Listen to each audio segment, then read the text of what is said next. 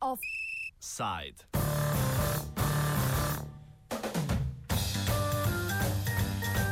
Enakost predsedniških kandidatov v medijih.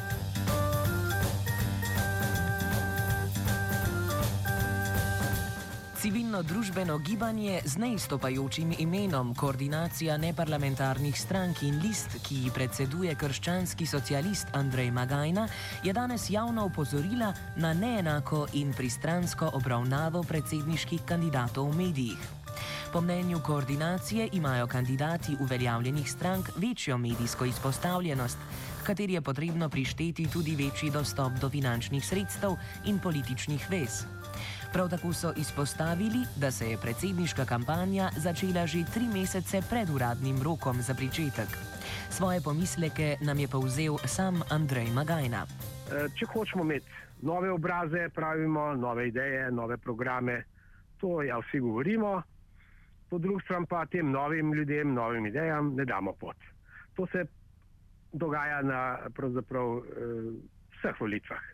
Imamo uradno kampanjo, usporedno je pa še ena kampanja, torej tri kampanje, predhodna kampanja pa še usporedna. In v tej, eh, teh segmentih so pa seveda ti kandidati, ki niso iz etabliranih strank, eh, popolnoma eh, zapostavljeni. Imam občutek, da je eh, to namenoma, da so pač uredniki servilni do centrov oblasti, za temi glavnimi kandidati so velike stranke, veliki budžeti ali pa strici iz ozadja in pač jim služijo.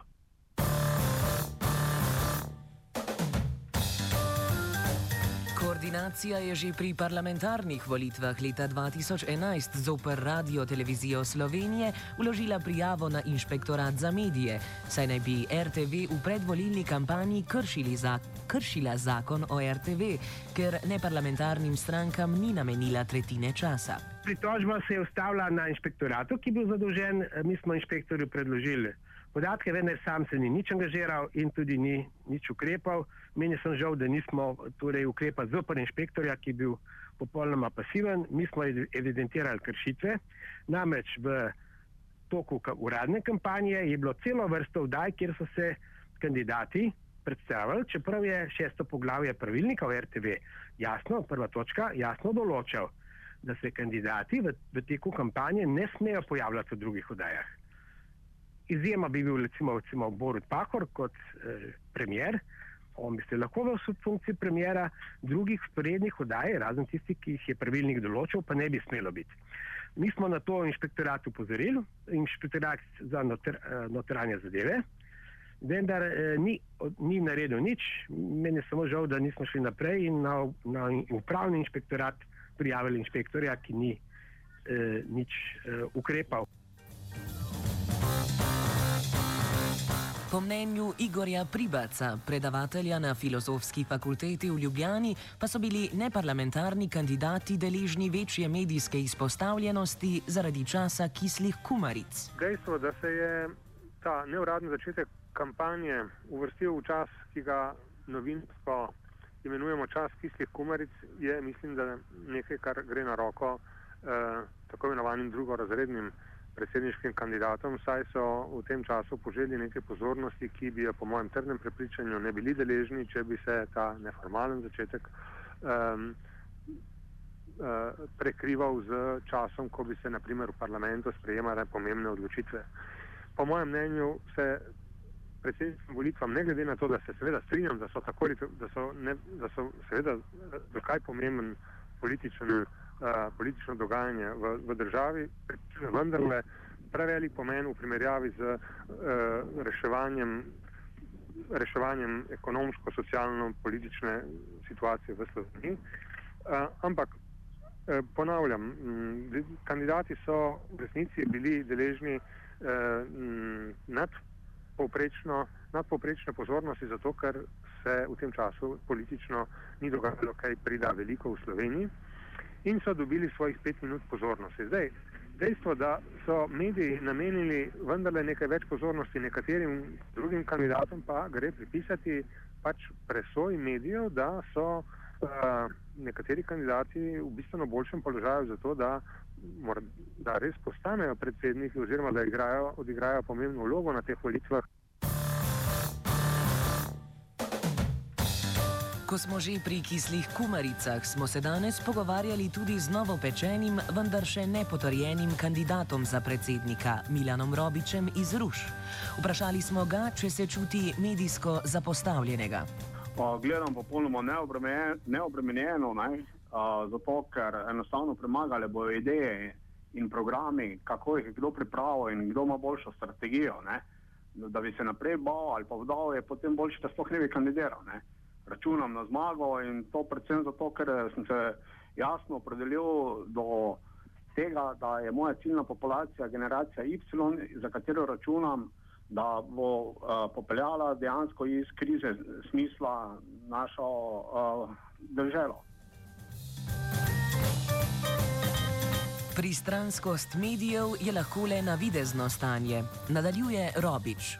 A, lahko je to navidezno stanje, ne? na to bo realnost pokazala 17. novembra. Ne? A, kdo pa pravi, da a, ravno ta občila morajo zdaj obveljati kot a, pre, nekaj presežnega, ne? naprej danega neko, nekaterim kandidatom. Ne? Pametno jih je kombinirati z novimi kombinacijami ne? in videli bomo, kaj zmaga na koncu. Ne?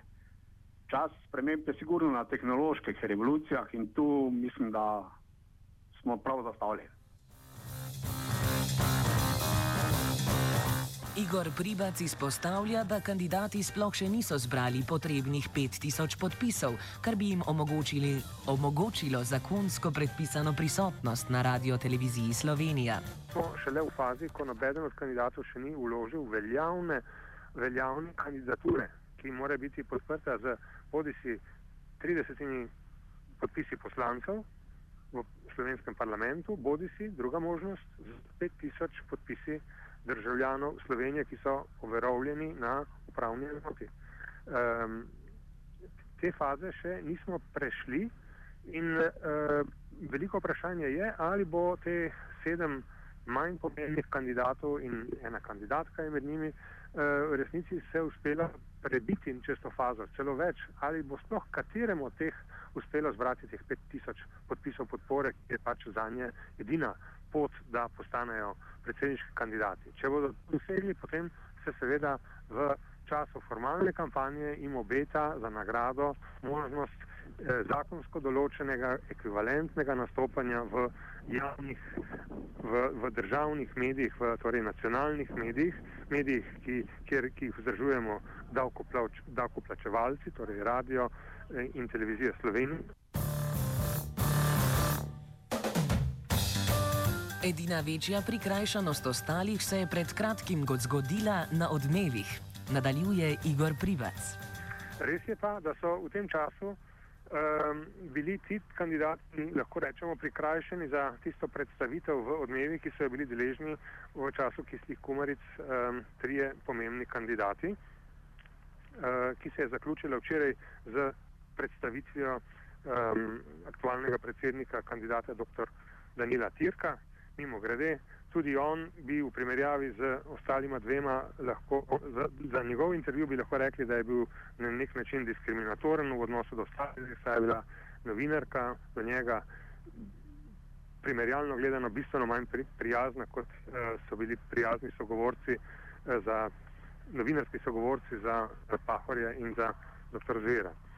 Um, tega pogovora sedmerica ostalih kandidatov ni bila deležna in tukaj vidim pravzaprav mogoče edino, edino, edino, edino problematično točko, ki sem jo opazil doslej. V resnici pa bi prav tako lahko razmišljali v drugo smer, kot je nastavljeno va, bilo vaše vprašanje, ali ni res, da ti kandidati dobivajo preveliko pozornost glede na njihovo realno težo, kajti eh, vse drugo, kar, kar bi bilo kar bi bilo čez to, da dobijo odstotek, dva, tri, 4 odstotke podpore eh, voljivcev, bo, bo, bo, bo veliko presenečenje. In glede na ta izid, glede na ta pričakovani izid, je eh, ta pozornost, ki jo ima zdaj, zelo velika.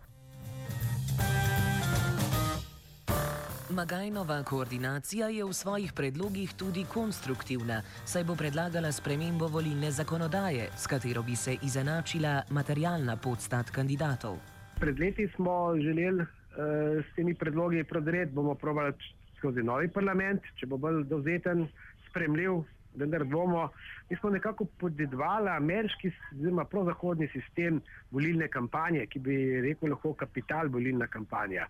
Torej, več ima sredstev, eh, več imaš denarja, več ima zaledja, več stricev za zadja in finančnih botrov, lažje seveda vodiš kampanjo. Tako da je bilo na parlamentarnih volitvah, zanimiv podatek, razmerje med eh, največjo stranko, ki je porabila preko 600 tisoč evrov in najmanjšo stranko ena proti tisoč, ne, približno.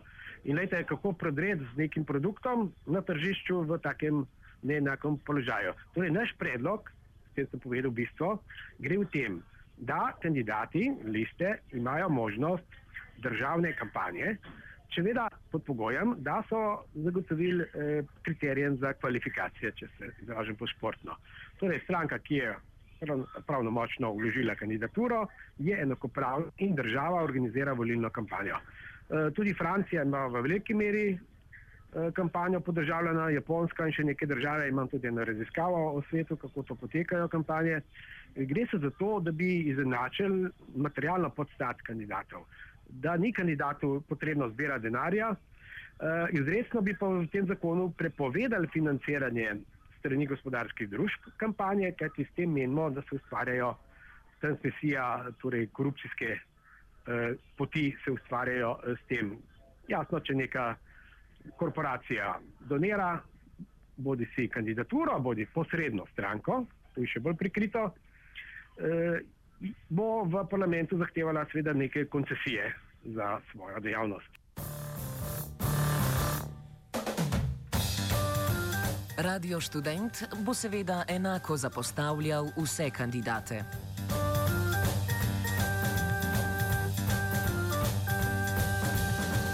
Offside je pripravil Kožuh.